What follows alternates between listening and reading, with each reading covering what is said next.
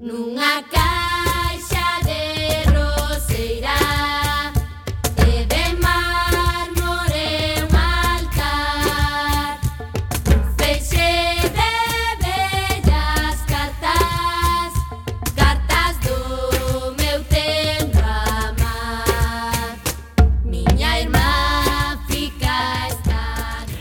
Ola, que tal, recendeiros e recendeiras? Benvidos e benvidas a este espazo radiofónico semanal dedicado á cultura que facemos en riguroso directo todos os martes ás 7 da tarde aquí no 103.4 desta emisora Cuac FM da Coruña.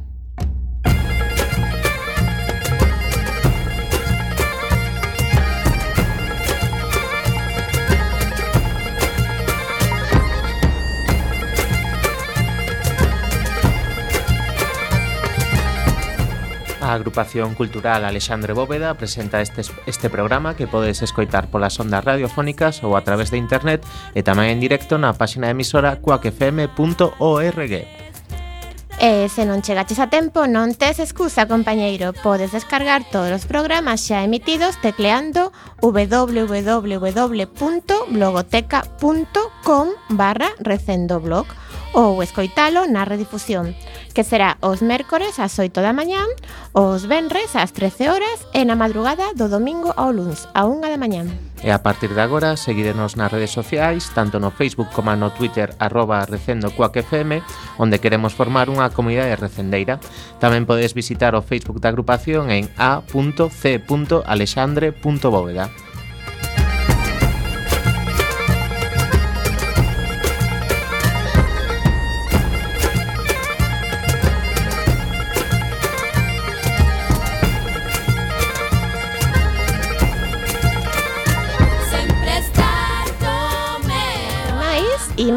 Explóralo na procura desta fantástica aventura cultural con Roberto Catoira e Antonio Brea no control técnico e aquí, falándolles co alma inteira na locución, estamos Uxía Vázquez, Javier Pereira e Gemma Millán.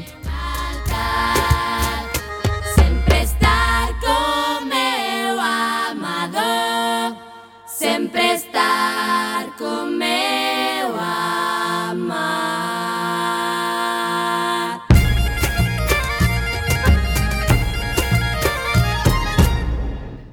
Programa número 202. Contaremos como convidada con Mercedes Queixas, que nos falará sobre María do Carmo Krukenberg, poetisa falecida en maio deste ano, e da que escribiu a súa biografía, titulada Vivir, unha aventura irrepetível. Teremos a sección de Ciencia e Tecnoloxía a cargo de Roberto Catoira, que hoxe nos falará de Xoan Vicente Viqueira, e falaremos das actividades da nosa agrupación e das outras cousas que se fan na Coruña e na Galiza e que tamén son cultura.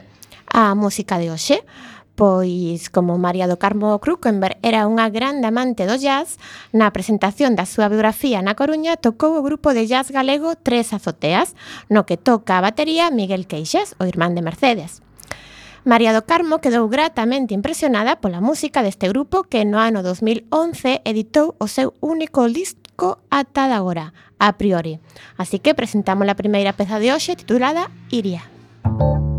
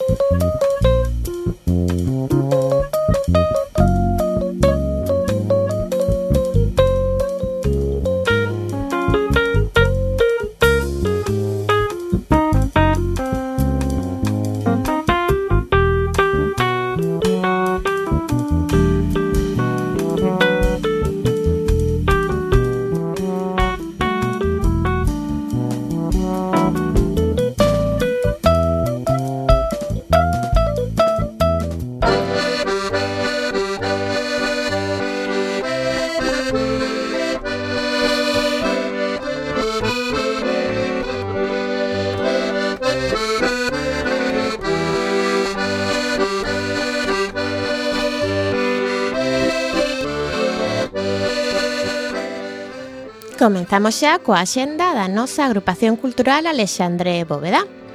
Xa sabedes que comenzaron os cursos de xadrez 2015-2016 dirixidos por Yelena Colar, que se desenvolverán os martes, mércores e xoves das 18 horas ás 20 horas no Salón de Actos da nosa asociación. Tamén comezou o taller de teatro 2015-2016 dirixido por Xoan Carlos Mexuto, que se desenvolverá todos os luns e mércores ás 20.30 horas no Salón de Actos da agrupación. Están ensaiando pezas breves de Álvaro Cunqueiro.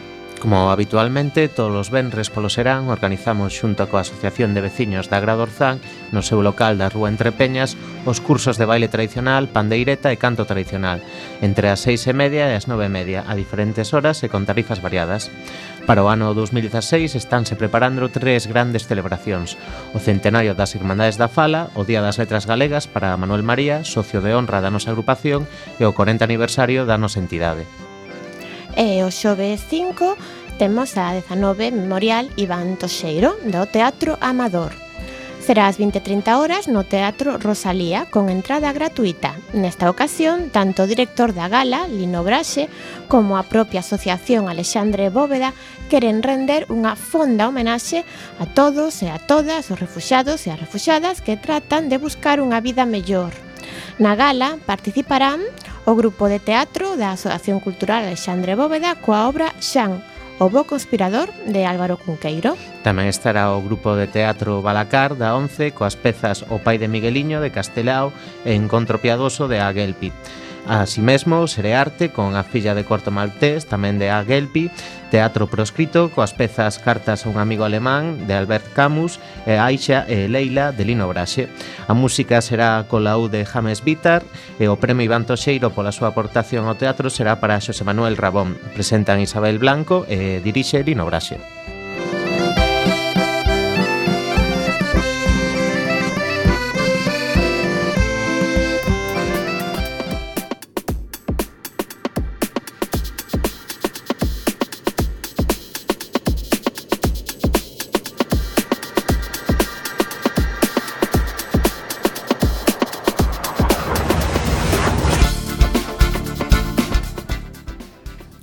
Imos aló coa Xenda da Coruña o Benres 6 no centro Ágora Sister in the House, un coro de música moderna integrado exclusivamente por mulleres e fundado na nosa cidade no ano 2008 por Carmen Rey e Ángeles Dorrio.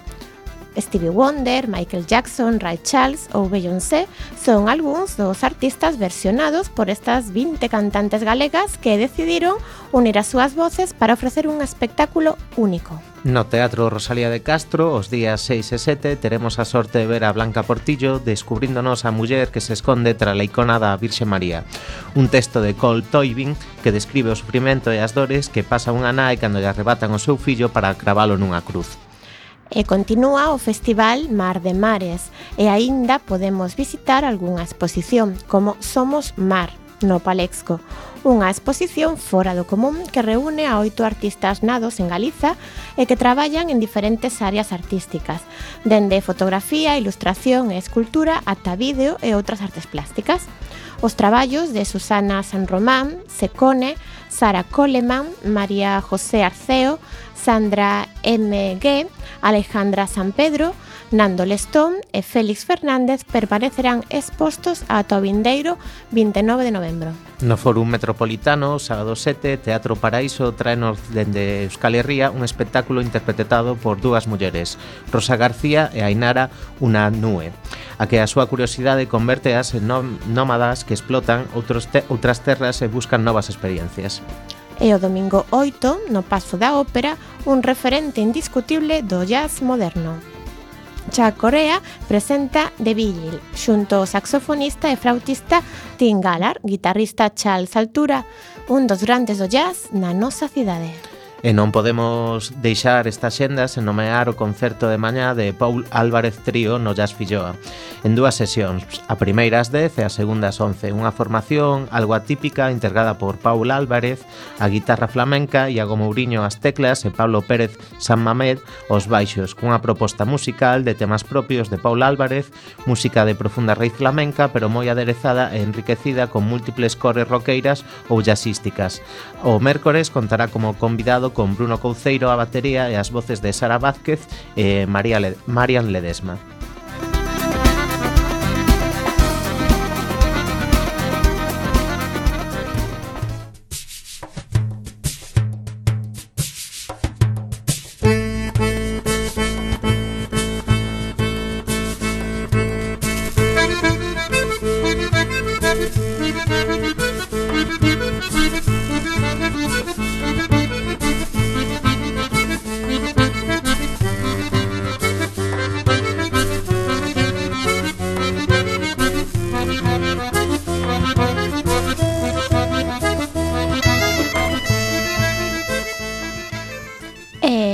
principiamos agora xa ca Axenda Cultural da Galiza.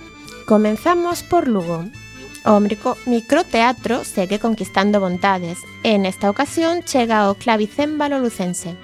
O xove 5 con pases ás 20.30 e ás 22.30 horas. Haberá o que ali chaman microefectos dramatúrxicos. Falamos agora de Ourense. A literatura galega é unha das poucas que se asenda sobre a figura dunha muller, Rosalía de Castro. Polo tanto, todas as homenaxes son poucas. O domingo 8, ás 12 da mañá, no Auditorio Municipal, a actriz e titiriteira Raíz Urruzunzola escenifica a viaxe de Rosalía que ven coa súa madriña Francisca e xuntas contarán pasaxes da vida da artista e algún dos seus poemas. A obra dura 50 minutos e está dirixida a crianzas de máis de 5 anos. E viaxamos agora a Pontevedra. A Asociación Cultural Trepia organiza un magosto foliada para o sábado 7 de novembro na Praza da Pedreira como unha das actividades anuais da asociación. A partir das 20 horas haberá actividades infantís e a partir das 21 horas comeza a foliada aberta para os grupos que desexen asistir. Moi importante, haberá castañas asadas e picoteo. Falamos agora de Santiago, a mítica banda británica UFO que leva máis de 4 décadas sobre os escenarios actúa o Benre 6 ás 9 menos cuarto na Sala Capitol para presentar os temas do seu novo disco, A Conspiracy of Stars, o número 22 da súa longa carreira. A banda está formada agora por Vinnie Moore, Phil Mogg, Paul Raymond, Rob De Lucas e Andy Parker. E agora baixamos ata Vigo. En Vigo poderán disfrutar do magnífico jazz galego de Sunra será o Benre 6 ás 23.30 no local El Contrabajo.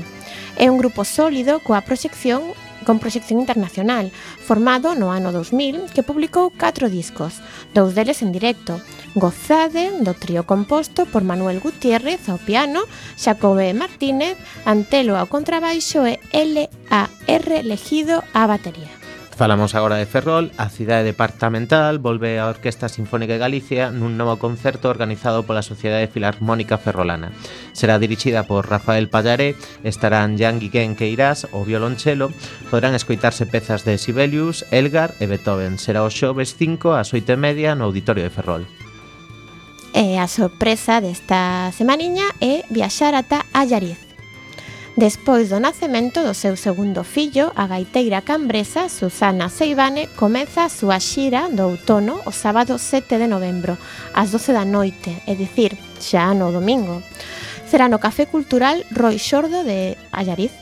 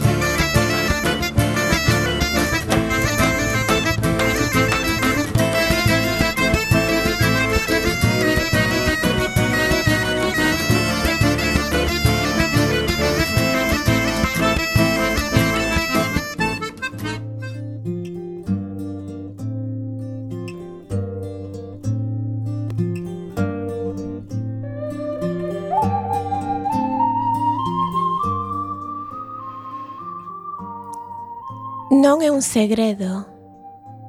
O veño dicindo fai décadas. Tan insistentemente que é un fastío. Unha e outra vez repetindo a mesma leria. A xente xa non se conmove por nada. As voces repiten unha e outra vez acontecementos e traxedias que o home xa non pode dixerir. A violencia inútil non leva a ningures. Eses gridos inhumanos que saen desfacendo o equilibrio dos ceos. A crueldade que racha a luz da beleza máis sinxela. Non é un segredo que todo o permisível estrague ese sentimento que teño dentro de min, coma un galano que me deu a vida.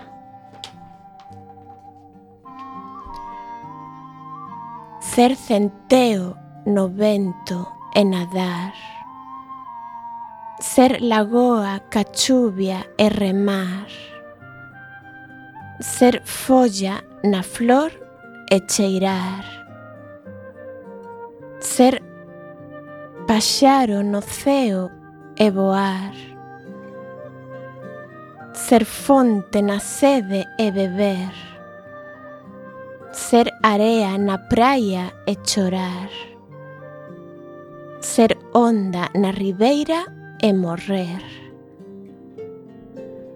Mais neste intre, agora, simplemente quixera ser amor.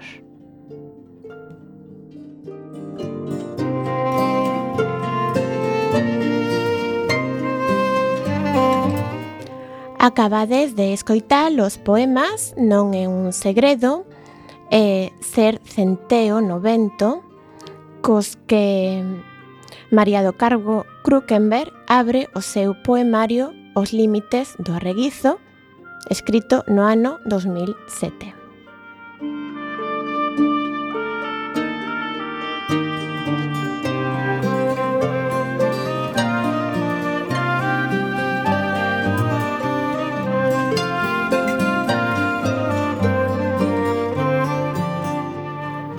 Vivir é unha vida É unha aventura irrepetível.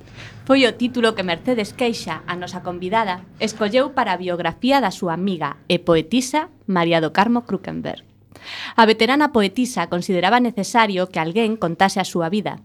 Cría que estaba un pouco esquecida e que non recibía o recoñecemento que merecía. Estas verbas poden soar soberbias, moitos nunca dirían tal cousa deles mesmos, aínda que o pensasen, Pero María do Carmo Krukenberg sempre se expresou intensamente e con total liberdade. E do mesmo xeito viviu a súa vida. O pasado 16 de maio, desgraciadamente, a súa vida chegaba ao remate. A nós, quédanos recordala a través da súa obra, e de vivir é unha aventura irrepetível. O equipo de Recendo non lle corresponde xulgar a necesidade desta obra, pero sí que nos sentimos obrigados a aportar uns cantos datos. María do Carmo Krukenberg, nada en Vigo no 1996, comezou a escribir aos 14 anos. Do a súa morte publicou máis de 30 obras, entre contos, traducións e poemarios. No comezo da súa carreira compaxinou galego e castelán, pero a súa derradeira etapa foi exclusivamente en galego. Por nomear algunha obra destacamos Cantigas do Vento, Poemas Inevitables, A Voz da Auga, Ya se espido ou Luz para un non amencer. María do Carmo Krukenberg caracterizouse por unha actitude rompedora e unha inquietude intelectual. Estudou dunha maneira autodidacta historia, ciencia, literatura e idiomas. Non foi suficiente. Para afartar a súa curiosidade, percorreu 40 países e tratou a intelectuais e literatos da altura de Castelao, Borges, Vicente Alexandre, Lorca, Rafael Alberti, Juana de Barbouro, ou Celso Emilio Ferreiro. Aí queda iso. Agora, podemos xa poñernos en más de Mercedes Queixas e descubrir a María do Carbo Krúcaran con toda a súa intensidade. Boa tarde, Mercedes. Moi boa tarde. Pois moitas gracias por vir aquí a Recendo. Moitísimas grazas a vos por me convidar e sobre todo para falar de alguén que, que me brindou tanta luz que me transmitiu tanta experiencia e tantas vivencias que de verdade dou fe que son irrepetíveis e da que só podo sentirme orgullosa e encantada de compartila con quen guste de querer achegarse un pouquiño a unha muller que ben dixestes é eu ainda non me afago moito a falar en pasado dela é pioneira e como todas as persoas pioneiras que se atreven a dar pasos adiante, mesmo sabendo que van ser mm, cuestionadas, eh, asumiu perfectamente luces e sombras que mm, ás veces desde a, a inconsciencia ou desde a ignorancia ou desde a vontade pois lle quixeron apoñer, non? Para mí foi un, un orgullo traballar con ela nesta no que logo foi a súa biografía e é unha honra moi grande que me convidedes hoxe para seguir dándolle luz a, a unha vida e a unha obra que penso que ten que ser un referente da, do sistema literario e cultural galego de todo o século XX e das primeiras dos primeiros anos da, da primeira década do, do 21. Perfecto, Mercedes. Nos queremos saber, empezar por o principio, eh, como nace a idea de escribir esta biografía. Pois a verdade é que eu tiven que reconstruir despois no, no tempo, porque me fun dando conta de que había eh, un, unha suma de, de factores que, que alterou o produto e o produto foi despois a, a biografía que saiu, non? Eh, a min, eu primeiro coñecín a Carme Krukenberg por, como lectora, eh, e había algúns versos e algúns poemas que realmente me, me golpeaban dunha maneira especial. Logo tiven a oportunidade de, de escoitar, mm, lembro perfectamente na, na Coruña, no, no Museo de Arte Contemporánea, un recital de varias poetas eh, e unha delas era ela, e a forza e a emoción daquela lectura, daquel recitado, como ela recitaba, Mm, realmente mm, marcoume e fíxome pensar que aquela muller eh, realmente era moito máis incluso do que transmitía nas súas eh, lecturas e na súa intervención que tamén a, a tivo. Este foi o, seu, o teu primeiro contrato con contacto O meu primeiro contacto con físico con ela eu creo que foi este. Eu que eu recorde penso que foi ese, escoitala recitar. Eh, despois, eh, como eu mm, fago parte da directiva da Asociación de Escritoras e Escritores en Lingua Galega, coincidiu que no 2006 eh, concedeuselle a, a letra E, eh, e desenvolveuse en Vigo o que o que chamamos a homenaxe ao escritor ou a escritora na súa terra.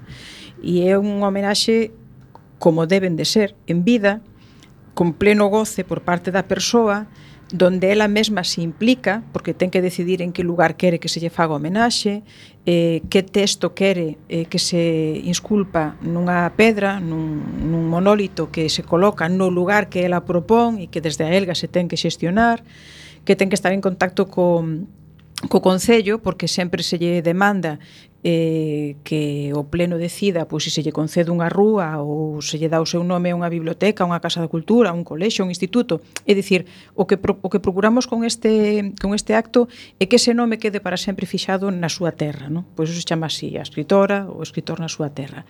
E é un día, pois, de moita emoción, de moita compañía, do, dos, dos compañeros, das compañeras de escrita, da súa familia, do vecindario. É unha festa mm, moi fermosa, moi emotiva. Non? E aí, claro, toda a fase previa de organización e logo o vivido o propio día, que puido disfrutalo moitísimo, pois eh, xa me achegou un poquinho máis a ela, a faceta máis humana, non? Coñecía a poética, eh, coñecía o seu labor como recitadora, eh, algo como pensadora de algunha intervención que lle tiña escoitado, algún vídeo que estaba grabado, originalmente na, na, no Fondo Documental da Biblioteca Virtual Galega da Universidade da Coruña, e aí coñecín o factor humano. E hai un, un verso de Carme que eu teño grabado dende o principio, creo, é teño licenza para o encanto. E esa era Carme. Esa era Carme. Ficabas completamente prendida e dicindo eu fui o pálpito que tive, non? Aquí dentro hai moito, aquí dentro hai moitísimo. Logo coincidiu que naqueles tempos eu, en, en colaboración con, con un compañeiro, con Anxo Gómez, eh, escribimos a, a Historia Xeral da Literatura Galega e acababa de publicarse. E un día eu quedara con unha, con unha amiga, que logo me di conta que era unha amiga común, eh, para, para tomar un café porque tiñamos que falar de algún, algún traballo, non sei, algún enredo no que eu andaría metida para, para variar, non? E entón ela me dixo, pois mira que ben que xa quedei aquí con María do Carme Krukenberg. E dixen, caramba, hasta me puxen nerviosa. Aquí, para tomar un café? Sí, sí, sí, porque vai a ir a Asociación Alexandre Bóveda a impartir unha conferencia. E eu, ah, pois non sabía nada. Vale, pois nada, perfecto, estupendo, claro, que emoción fixemos o que tiñamos que facer acompañándonos do café como corresponde e ela chegou. E cando Carme chegaba, pois de repente pasaba algo, non? Dicir, non sei, había máis luz no día ou había unha armonía, aquel sorriso rush, non? Que eu identifico sempre perfectamente esbozado co seu carmín encarnado, vermellón, aquela expresión, aquel sorriso, e ali se sentou e a persoa que estaba comigo dixolle, bueno, que tal, como vas, non sei que? E ela dixo que estaba triste, que estaba moi triste porque, como dixestes antes, non se sentía querida. E parecía mentira tamén, non? E, e entón eu estaba calado, non atrevía a abrir a boca, porque claro, para mí aquilo era un momento mm, máxico, non? A hipersensibilidade dos poetas. Claro, e digo, que pasaría aquí? Non sei se levantarme e marchar, igual non procede que eu estea aquí, porque entre as, entre as dúas había confianza. E E ela dixo, pero logo, por qué? Como que non te, como que non te sintes querida? E dixo, no, acaba de sair unha historia da literatura galega e non me menciona. E entón eu naquel momento dixen, non pode ser, imposible, é imposible, é imposible que nos esquecésemos de, había que sintetizar porque tiña un límite de espazo, pero era imposible que nos esquecésemos de Carme Krukenberg. E entrou, ainda agora penso, e me poño un pouco así nerviosa, non? Busquei a maneira de despedirme rapidamente, porque eu tiña que chegar a casa e ler mirar aquilo que escribíramos e confirmar que era imposible que nos esquecésemos de mencionar a ela, non? Fun para casa, eu creo que calquera que me vise nin a fume de carozo, era era unha tensión impresionante porque me, me sentía fatal, non? Foi chegar a casa, mirar e ali estaba co seu texto correspondente e coa súa foto. Eu respirei e dixen non, é que non podía rematar este encontro tan mal, non? É imposible. Eh, ali estaba, eh, con, con todo o espazo que lle pudemos dedicar, pero ali estaba, e ademais con fotografía non só mencionada, con un pequeno mm, extracto dun poema, eh, quedei tranquila. Claro, eu dicía, pero como é posible que ela diga iso? Se o di, ten que ser certo, non? Claro, eu tiña ao lado outra historia da literatura que saíra coincidindo no, un pouco antes, un pouco antes que a nosa, e fun ali e efectivamente non estaba, non? E sentín mágoa. Sentín unha tranquilidade moi grande, pero sentín mágoa porque era certo, era certo que nunha historia da literatura galega non estaba María do Carme Krúkemer, non? Naquel momento con pois con 20 e pico poemarios escritos, non? E así foi, entón penso que foi como unha suma de circunstancias que me levaron a un día pois atreverme a chamala por teléfono despois daquela homenaxe da letra E e decirlle que me gustaría ter conversas con ela e, e ir vendo logo que iso daba de sí, non? E ela díxome que si te atreves, eu encantada. Teño moito que contar, pero eu non o vou escribir. Se ti o escribes, adiante. E así empezamos. Imos facer unha pausa neste comezo tan intenso e imos escoitar outro tema de Tres Azoteas, neste caso titulado Josephine de Bernois.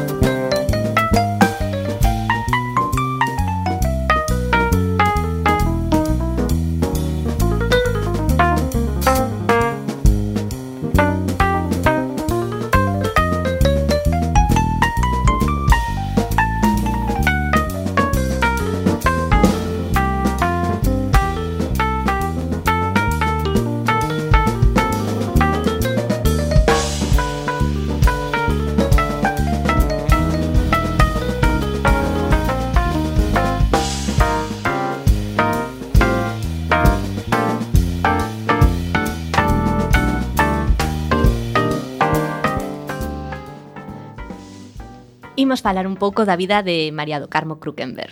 Eh, Mercedes, como foi a súa infancia? Pois foi, segundo ela, foi sempre unha infancia feliz. Unha infancia na que sempre se sentiu profundamente querida pola súa familia, un entorno económicamente, mm, digamos, tranquilo, mm, reconfortante, sen, sen grandes problemas económicos, ao contrario o que lles permitía viaxar, por exemplo, algo inaudito no seu, no seu tempo. Lembremos sempre que ela naceu no ano 26, no? o 3 de xuño de 1926. Eh, intelectualmente rico, moi rico. Eh, na casa ela lembraba unha boa biblioteca, eh, lembraba as lecturas de infancia, fortemente influenciada polo seu pai. Eh, sempre se sentiu como unha nena rica en todos os sentidos, en afectos e económicamente moi protexida. Eh, sen embargo, eh, Carme mm, percibiu moi rapidamente, dende moi nena, que a vida non era así, que non era para todos igual. E ela desde a súa casa e despois camiñando por Vigo, polo seu Vigo que era sempre o punto de, de saída e de retorno, non? O seu verso de di onde fun sempre tornei a Vigo e en Vigo está, nas augas da ría de, de Vigo para cumprir a súa, a súa vontade. Pero ela nese mar de Vigo mm, vía perfectamente as greas inmensas de xente que marchaba para a emigración. Por lo tanto, era, dende moi pronto, era moi inteligente e dende moi pronto, dende moi nena, se decataba de que ela mm, vivía unha situación privilexiada. E iso aparece reiteradamente na súa obra.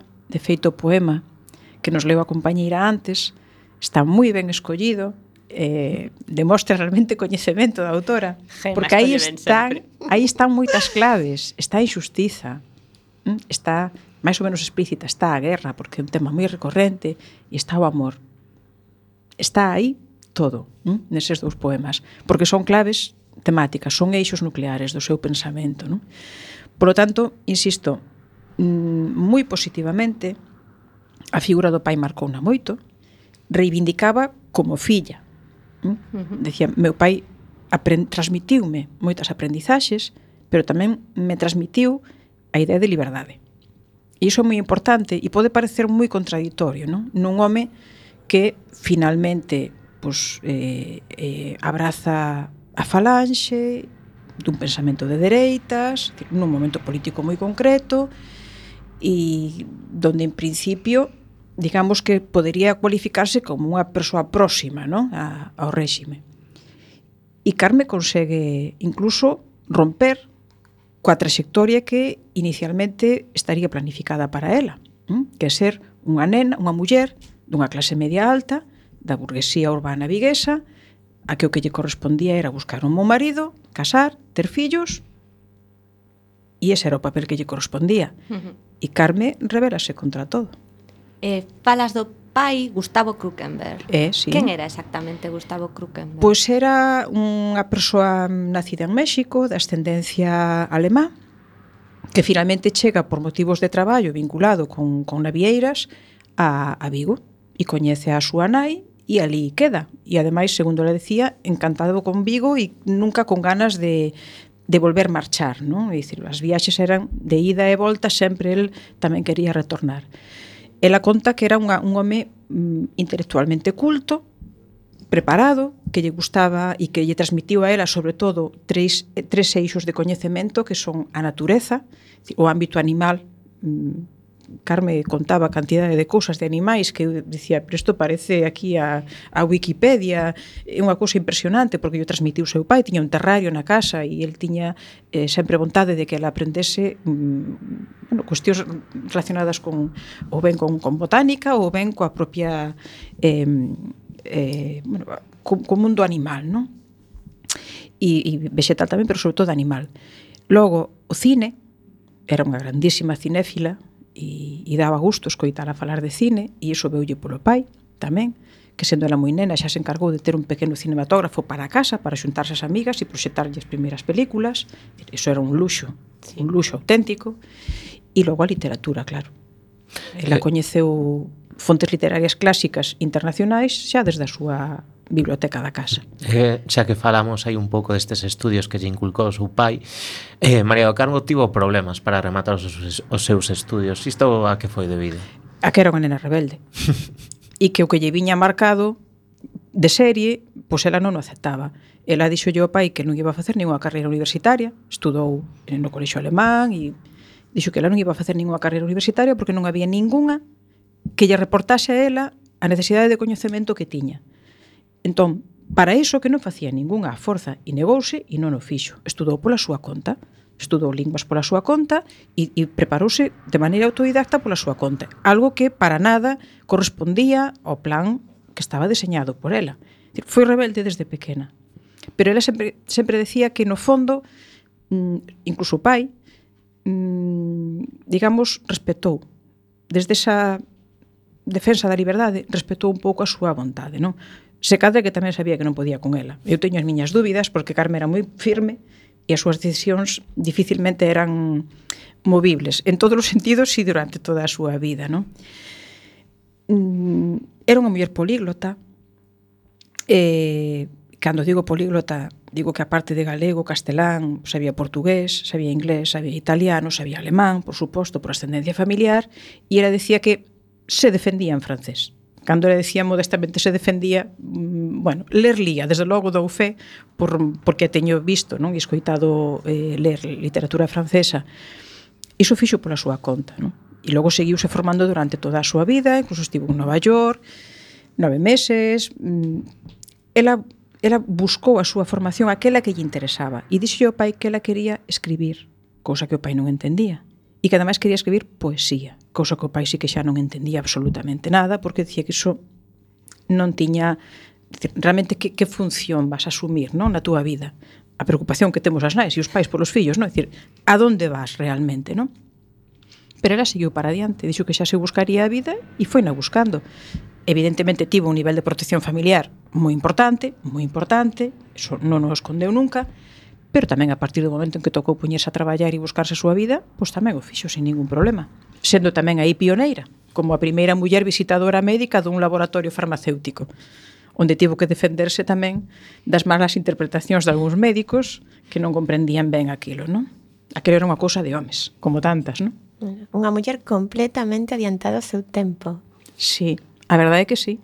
A verdade é que sí. Eu fui a conclusión que, que tirei despois de escoitala e despois de ver moitas probas, digamos, non? Porque ás veces cando me contaba algunha cousa que parecía un pouco sorprendente, decíame, igual non me crees, non? E eu, sí, sí, eu non teño por que non creerte, Carme. Bueno, pois espera. E viña e me aparecía cas probas documentais, non? Entón, eso sí que xa era xenial, ríamonos moitísimo, moitísimo. Por exemplo, era dicíame que fora a primeira muller que nos anos 60, debía ser, falo de memoria, pero tivo que ser por aí, por os anos 60, eh, gravaba LPs mm, como poeta, recitando os seus libros. Claro, ti escoitas iso e dis, vaya, e en Madrid? Pois será, efectivamente. Claro, ela levantábase, volvía e me viña con aquel LP. E aí estaba a imaxe de Carme Krukenberg E cara A era un poemario, cara B era outro, e había dous, un con dous, po dous poemarios en castelán e outro con dous poemarios en galego. Entón decías, pois pues claro, evidentemente, non? E quen di iso, pois pues, di moitas máis cousas, non? E logo van outros de innovadores. Por Foi aí. pioneira por principios, eh? Foi pioneira por principios, estou completamente convencida. Era a súa meta na vida, independentemente do que, como di un breve poema dela, que idea máis peregrina ten a xente do que unha é. Eu creo que iso recolle tamén o espírito Carmen, talmente. Pois sí. Mm. A min ese poema sempre me deixou moi marcada, digo. Pois sí. Aquí está falando alguén que ten moita vida. Pois co reguste nos oídos deste poema vamos facer agora a nosa segunda pausa nesta interesantísima entrevista, interesantísima conversa para dar pé esta vez á sección de Ciencia e Tecnoloxía da man do noso ben querido compañeiro Roberto Catoira, pero antes de escoitalo falar, imos escoitar a súa sintonía. Música Quero alcanzar a cúpula máis alta Avistar da torre a Vía Láctea. Sumir o negro das columnas Resplandecer en lámpadas de gas. Eu astronauta lírico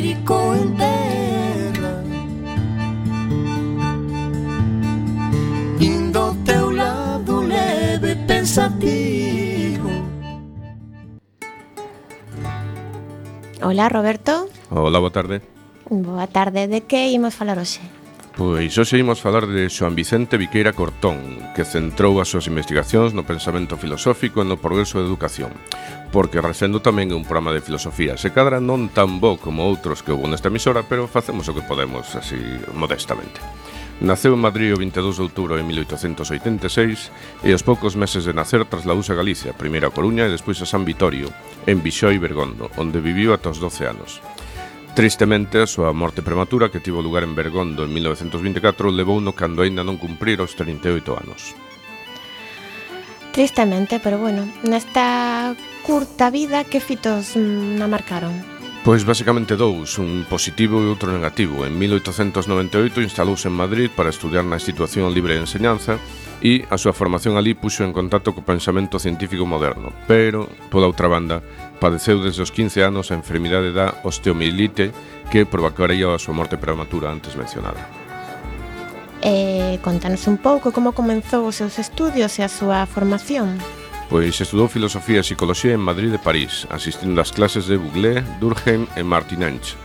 Eh, licenciouse en Filosofía en 1911 e nese mesmo ano obtivo unha bolsa da Junta para Ampliación de Estudios para estudar Psicología en Alemanha, o que axudou a cadar un coñecemento profundo das correntes europeas da filosofía e da psicología como demostran estudios sobre psicología actual en Alemania, el concepto de la sensación en la psicología y las directrices actuales de la psicología, que son algunas das publicacións que fixo naquela época. En 1913 doutorouse en Madrid e en 1917 gañou a Cátedra de Psicología, Lóxica e Ética no Instituto Xeral de Santiago, pero foi trasladado ao Instituto da Coruña ao pouco tempo. E despois de estudar en Francia e en Alemania, seguía preocupándolle a Galiza. Pois desde que volveu a Galicia, nese 1917, eh, pasaría a ser en Galicia o seu obxectivo das súas preocupacións e investigacións. Implicouse activamente nas Irmandades da Fala, das que chegou a ser presidente, e colaborou no seu voceiro a nosa terra. Defendeu a galeguización do ensino, a incorporación plena da muller e todo un programa de reformas do sistema educativo. Estas preocupacións poden analizarse en artigos como A nosa escola, do ano 17, Nosos problemas educativos, do 18, ou Pola pureza lingüística, do ano 20. Como poeta empregou sempre a nosa lingua e ademais Viqueira interesouse pola aproximación da ortografía galega a portuguesa no seu artigo pola reforma da ortografía publicado na nosa terra no ano 18. Pero en castelán tamén publicou numerosos traballos sobre filosofía, psicología e pedagogía. E tivo algún reconocimento na terra? Pois non demasiados. Eh, como dixo Ramón Piñeiro, a súa morte privou a Galicia do que sería o seu primeiro gran filósofo. En 1930 os seus amigos publicaron con carácter póstumo ensaios e poesías, onde se recollen escritos inéditos, así como outros que xa foran anteriormente publicados. E por último, no ano 1974 foi homenaxeado co Día das Letras Galegas, pero a min non me parece demasiado. Eu creo que en recendo se, se cabe a posibilidade, intentaremos dentro de pouco dedicarlle un especial porque penso que ben o merece.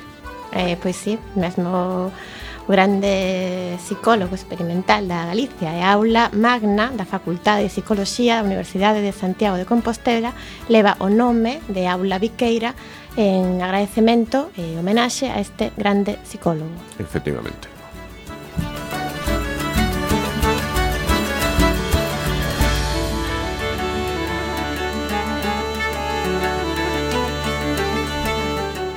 Bueno, seguimos aquí ca nosa conversa con Mercedes, a nosa poética conversa con, con Mercedes que estás nos enchendo aquí o estudio José Couso de, de poesía, estamos todos un pouco levitando xa. Falar de Carmi, non falar de poesía sería completamente imposible. Pero imposible. A poesía era a súa vida. E agora imos falar un pouquiño da, da vida de, de Carme porque nós sabemos que aos 22 anos casa co Enzio Puzzoni, pero pronuncialo ben, porque este señor era italiano, eh, queremos saber, eh, xuntos marchan a Argentina, E, eh, bueno, que nos contes un pouco. Se marchar foi iniciativa do seu marido, como foi esta viaxe, como levou o matrimonio e a influencia deste italiano na súa vida e na súa obra. Eu creo que ese momento é o primeiro mm, enfrontamento co cun, cun capítulo negro, digamos, non? da súa vida, ou polo menos gris escuro, non? E, ela, eles casan e, despois dunha relación dun noivado realmente breve, efémero, e, mm, e deciden facelo, non? E, por razóns de traballo, eh, el ten que marchar para, para para, Argentina, para, para Buenos Aires concretamente, e marchan os dous, e ala, ala, ala viven, non? E, persoalmente, como digo, é a, a temporada máis dura, máis dura que se ten que enfrontar, máis intelectualmente é mm, seguramente das máis ricas ou das que desde a miña interpretación ao fío de tantas horas de conversa con ela seguramente mm, máis a deixou marcada desde un sentido positivo. Non? É Dicir, os, os tempos de luz e sombra que, que en todas as biografías hai, sobre todo nunha biografía como a dela, eh, persoal, pero tamén social, colectiva. Non? non podemos esquecer nunca que estamos camiñando o paso dun século XX que foi mm, controvertido, convulso, complicado, non? E ele evidentemente non foi un ser en absoluto alleo, non, A, ao seu tempo. De feito, creo que na súa obra se algo se respira é vida vida persoal e vida colectiva. Ben, ela alá coñece a persoas mm, de grandísima influencia posteriormente nela, ali están o que ela denominou como os meus pais de América, que foron Rafael Alberti e, e María Teresa León, os seus grandes protectores. Alberti foi quen puxo o quen deu o, a proposta, que logo foi definitiva, de título para Cantigas do Vento, o primeiro libro en, en galego de, de Carme Krukenberg, eh, lía o que ela escribía en galego e en castelán sin ningún problema e, e ela sentíase perfectamente asesorada e arroupada polas súas valoracións. Non? Para ela Alberti era, era pois o grande referente literario que xa ela levaba lido de aquí e descubrirlo ali en persoa pois evidentemente foi unha emoción inmensa, non? Eh, pero tamén alá descubre a outro referente para ela que foi Castelao. Mantivo dúas conversas con Castelao na súa casa, estando xa mm, nos últimos tempos eh, seriamente xa afectado da doenza a Castelao, que tal e como recollín literalmente na biografía, eh, a marcan profundamente, profundamente. É Castelao quen lle di non deixes de escribir en galego escribe en galego porque é necesario escribir en galego. E ela, para ilo, aquela, aquelo foi como un, un mandato quasi divino, non? Estaba profundamente marcada por, por Castelao, pola actitude tan positiva, tan, tan proactiva, tan ilusionante, incluso estando xa moi maliño, porque morreu pouco tempo despois, poucos meses despois, eh, con ela. Non Foi realmente como o empuxón definitivo que ela precisaba para mm, iniciar a súa escrita en, en galego. Por lo tanto, intelectualmente foi moi rica, a moitas máis, eh, bueno, todos os, todo o exilio, unha parte do exilio español e do exilio galego, eh, literario e cultural, o coñeceu en, en Bos Aires, non? da man fundamentalmente desde o principio pois, de, de Arturo Cuadrado pero tamén alá mm, pois os casi 4 anos que estiveron alá tamén se decatou de que aquel matrimonio non funcionaba. E ela que era unha muller de decisións independentemente do custe que tivesen decide que se ten que separar e que ten que volver para aquí coa súa filla que mm, tiña aproximadamente un ano. E toma esa decisión e volve. Eh, cando volve evidentemente naqueles tempos Vigo afoga foga porque non comprende que unha muller tome ese tipo de decisións, e ela, pois, contra vento e marea e a contrafío, sigue facendo a súa vida. A súa vida persoal como muller separada. María do Carmo dixeches que non se sentía recoñecida. Nos últimos anos, eh, sí, sí dixo que se sentira recoñecida, comezaron na última década eh, a sucederse toda unha serie de, de homenaxes, de actos públicos de, de afecto, de cariño e de gratitude, e, e aí eh, si mudou un pouco a perspectiva non eh, eu penso que o non recoñecemento mm, viña de moitos factores non Eh, por unha banda, eh, Carme tivo mm, en moitos momentos serias dificultades para publicar non lle pasa só a ela, evidentemente, non? Pásalle a moitos autores e autoras antes, agora e especialmente poetas. A ela tamén, sendo unha persoa, digamos, con un prestixio xa eh, consolidado, con un nivel de referencia lectora, etc., etc., tivo problemas para, para publicar. E despois, eh, claro, unha biografía mm, dun tempo con, convulso, como comentábamos antes, non? onde pois, houbo que posicionarse non moitas veces, eh, ela sentíase mm, estigmatizada mm, negativamente, mm, sobre todo pola biografía do pai.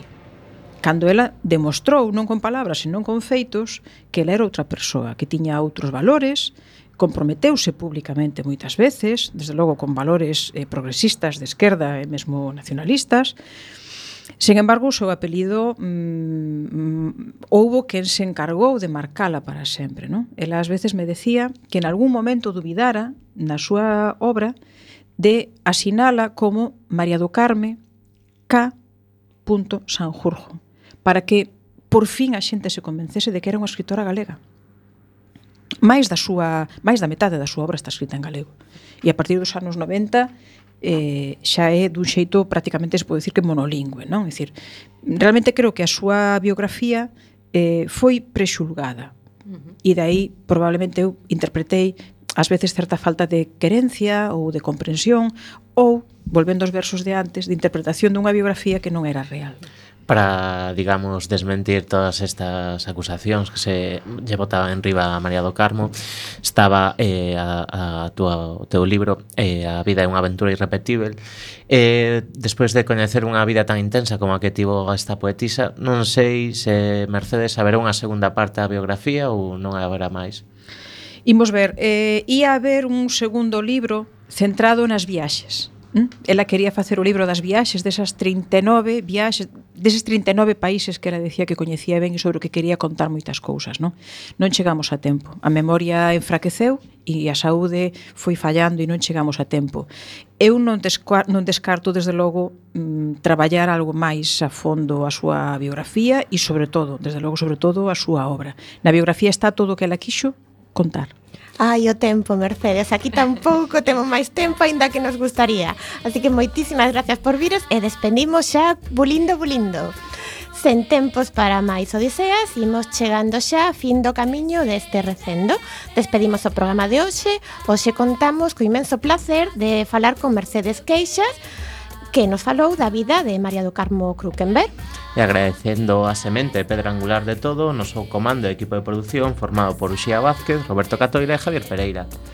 E aquí estivemos falándolles ca Almanteira, Uxía Vázquez e Javier Pereira. E Gemma Millán, e Roberto Catoira e Antón, Antonio Brea nos controis.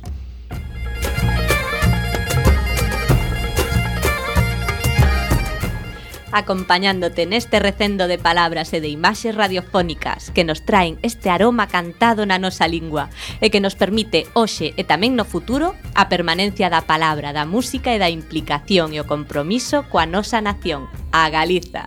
Ate o vindeiro martes, a 7 da tarde en directo nesta emisora, Cuac FM da Coruña. Xa sabedes, recendo as mil primaveras que terá o noso idioma.